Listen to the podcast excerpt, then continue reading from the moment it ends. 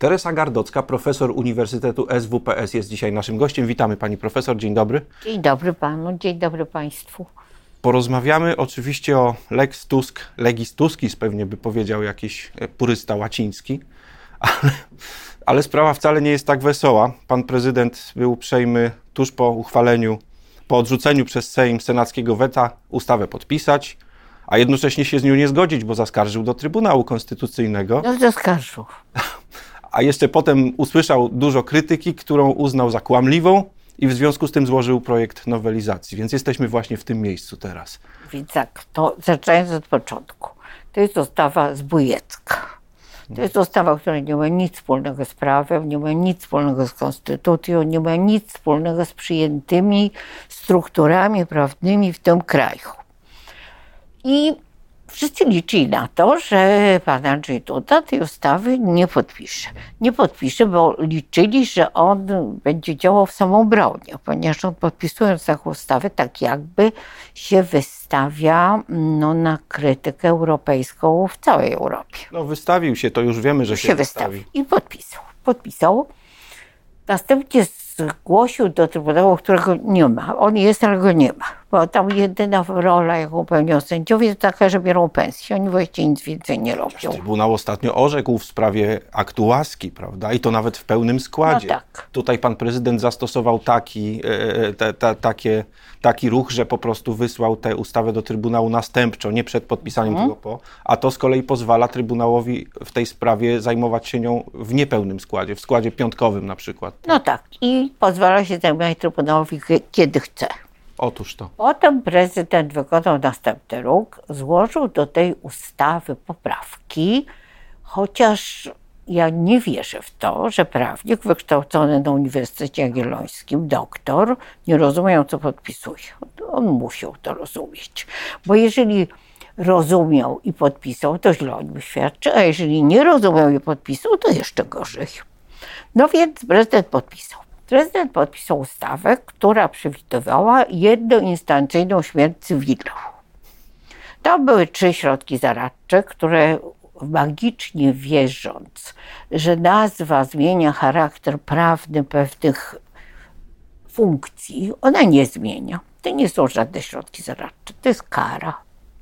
Następnie ja to już kiedyś powiedziałam, że te trzy środki zaradcze to jest nic, bo tamten czwarty jest ukryty. Czwarty jest napisane, że osoba, wobec której jest zastosowano którykolwiek ze środków zaradczych, nie daje rękojmi właściwego działania w interesie publicznym, czyli jej w sferze publicznej nie ma. Czy ona nie może kandydować. Miało o tym orzekać dziewięciu panów skądś wziętych. Czytałam gdzieś, że podobno zaproponowano przewodnictwu Kurskiemu. Podobno tak, zdaje się, że to jednak jest nieaktualne. Bo on odmówił, podobno, podobno. Zresztą jak on odmówił, to chyba wiedział, co robił. To jest inteligentny facet, chociaż no, dobrze. Ale w każdym razie miało dziewięciu panów orzekać przy pomocy sędziów delegowanych do tej komisji, bo to, ta ustawa przewiduje możliwość delegowania sędziego, miało orzekać o tym, kto podlegał wpływom rosyjskim. Otóż, jeżeli bym nie zapytać, czy wpływy rosyjskie w Polsce były, były. I czy są, też są. MON na swojej stronie opublikował taką całą broszurkę dotyczącą wpływów rosyjskich, potem zrobił o tym konferencję, zresztą dobrze zrobioną. No więc były i są.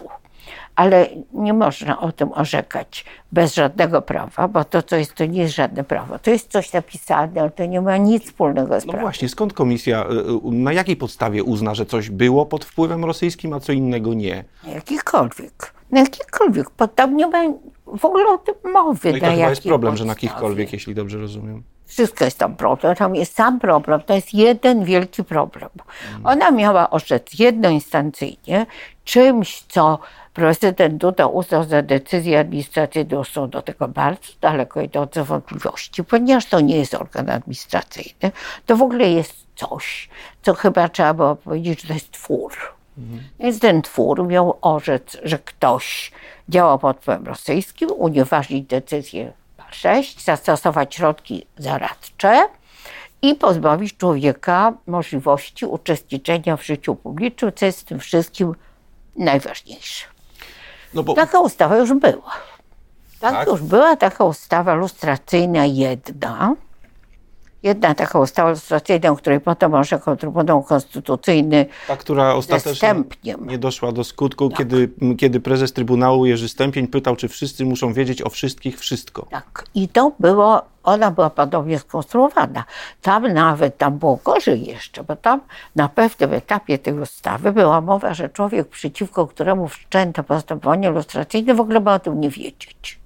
Ma się dowiedzieć dopiero, jak to się już skończy, jak już będzie wiadomo, że on jest ten łobuz, który No, do, powinien tego, być. do tego szczęśliwie nie doszło. Tutaj natomiast, pani profesor, mamy, e, mamy te e, auto, jakby to powiedzieć, autopoprawkę, no, nowy no, projekt nowelizacji od pana prezydenta, który odchodzi od środków zaradczych, zostawia ten jeden kluczowy, o którym I rozmawiamy. to o to chodzi. że, że, że ktoś nie daje rękojmi wykonywania funkcji publicznej, tylko no, jakie zastosowanie w prawie ma, ma, ma, ma ten przepis, pani profesor? No bo no, no, zakładam, że no nie wiem, ktoś może być na listach y, jako kandydat w wyborach do Sejmu ma Senatu. daleko idące skutki, dlatego że we wszystkich ustawach, w których ktoś ma być powoływany na jakieś funkcje publiczne, jest napisane, że albo ma mieć nieskazitelny charakter, albo ma dawać rękojmię należytego działania w interesie publicznym. Wszędzie to jest I napisane. ten dokument urzędowy powoduje, że ma to że on nie ma, nagle, nagle nie ma zdolności, bo on nagle jest I wtedy co, Państwowa Komisja Wyborcza mówi, że, że tego że on pana nie trzeba może kandydować, tak? tak, trzeba listy wykreślić. Prezydent, który dostaje y, kandydaturę na ministra, mówi, tego Nie człowieka można, powołać nie tego mogę. pana nie można. Tak, ktoś KRS, KRS to inna bajka. Ale ktokolwiek dostaje kandydaturę takiego pana czy pani, mówi nie mogę, bo on nie daje rękojmi. I teraz co robi prezydent? Prezydent uważa, że on nas wszystkich oszuka. Bo on mówi tak, ja jestem dobry prawnik, nie może coś funkcjonować bez żadnego odwołania. To my powierzymy odwołanie sądowi apelacyjnemu. Tak. Też tak już było. O, w tamtej ustawie lustracyjnej instancją miał być sąd apelacyjny. Specjalnie powołani sędziowie, tylko że im się nie udało tych 21 Mówiliśmy znaleźć. o, o, sądzie lustracyjnym. Do, Tam się nie udało 21 ludzi Profesor znaleźć. Strzembosz mówił, że, że, że najwidoczniej się e, e, środowisko samo oczyści, prawda? Bo skoro powoła sobie, powoła sobie tych 21 sędziów, którzy stworzą sąd lustracyjny. Później powstał sąd apelacyjny w Warszawie, piąty wydział lustracyjny, który się tym zajmował, ale w dwóch instancjach, jeśli Mhm. Tak, ale tam nie znaleźli tych 21 nie sędziów. było. Dlatego trzeba było zmienić przepis. Więc może w sądzie apelacyjnym nie będzie tylu ludzi, którzy chcieliby tak orzekać, ale prawdopodobnie tu ktoś z boku powiedział prezydentowi Dudzie, ale tam szefem sądu jest Schab, sędzia Schab. No to sędzia Schab orzeknie jak zechcecie. To tam jest w tej ustawie taka możliwość, że człowiek poddany tej procedurze może nie zgodzić się na sąd apelacyjny w Warszawie, tylko inny apelacyjny wtedy wskażą. Znaczy, Myślę, że Sędzia. Schab ma tak daleko idące możliwości, by osobiście w tej sprawie orzekać. To jest, o ile się nie mylę, procedura odwoławcza cywilna, więc to będą wydziały cywilne. Między nami mówiąc, pani profesor, wydaje mi się, że e, od decyzji administracyjnej odwołanie do e, sądu powszechnego już jest, gdy Krajowa Rada Radiofonii i Telewizji e, nakłada ale- kary, prawda? Na, Ale generalnie, tak, ale generalnie to nie jest zwykła droga, to nie jest zwykła procedura. No nie jest. Bo tak, tu to nie jest organ administracji, w związku z tym jest problem, czy to jest decyzja administracyjna. Żeby nie dyskutować o tym problemie, to robimy odwołanie sądowe. To Nazywa się je apelacją w ustawie zresztą. nazywa się je apelacją i teraz tak. I teraz ta apelacja ma w trybie cywilnym, w oparciu o jakieś dowody. Chodziło o to, że sąd administracyjny może tylko uznać, że decyzja jest wadliwa formalnie I ją uchylić. i ją uchylić i nic więcej, to wtedy wracałoby do tego organu, który to organ by ponownie robił jak chce. Więc prezydent przedstawiając nowelizację, która nie wiadomo czy zostanie uchwalona, nie wiadomo kiedy zostanie, nie wiadomo w jakiej postaci, nie wiadomo jak długo to potrwa, ale ta komisja już może działać od jutra.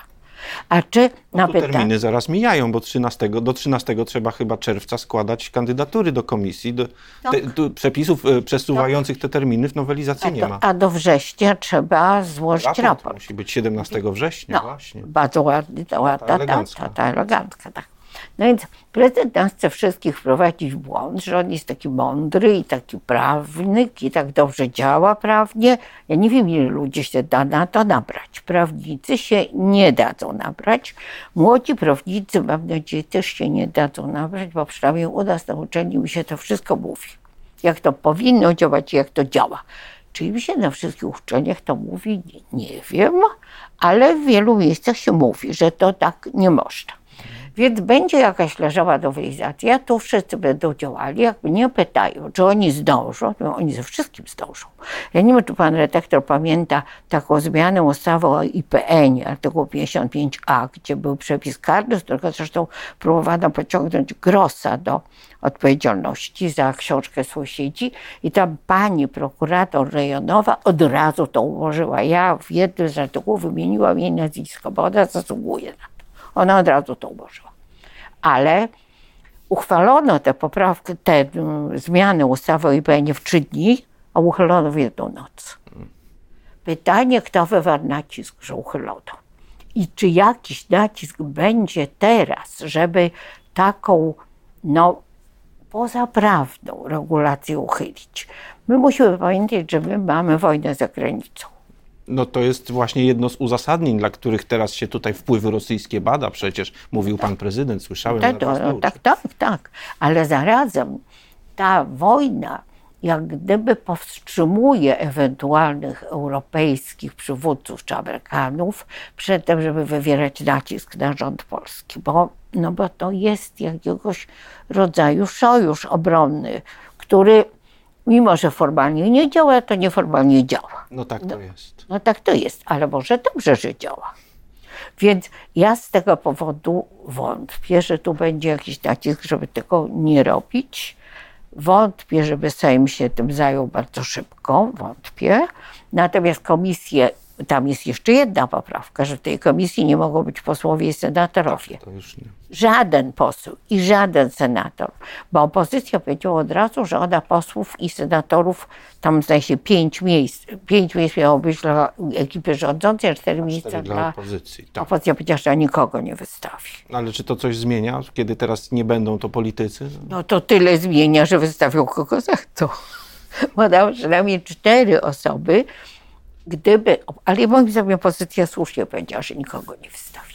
Gdyby opozycja powiedziała, że tych czterech wystawi, to oni byliby od razu do przegłosowania, ale zarazem oni byliby i byłoby słychać. I uwiarygadniali ten y, twór, tak? Jak z jednej strony uwiarygadniali, z drugiej strony by mówili coś, co byłoby słychać. Mhm. A teraz będzie jakichś dziewięciu panów, nie wiadomo na ile znających się na prawie, ale wiadomo na ile sprzyjających władzy. No na pewno będą to fachowcy od weryfikowania na przykład, nie wiem, wojskowych służb informacyjnych, którzy już pracowali przy tym zagadnieniu, y, y, mieli i będą znowu mieć dostępy do informacji niejawnych, no przecież to całe dosie tak. chyba można uzyskać no wszystko, w trybie tej ustawy. Wszystko można, tam w ogóle i, i, i zdaje się, że w tej propozycji prezydentki nie ma żadnych zmian co do tego. Chyba nie ma. Tam Wszystkie dane można uzyskać. Tam nie mają dane, dane osobowe nie mają żadnej ochrony.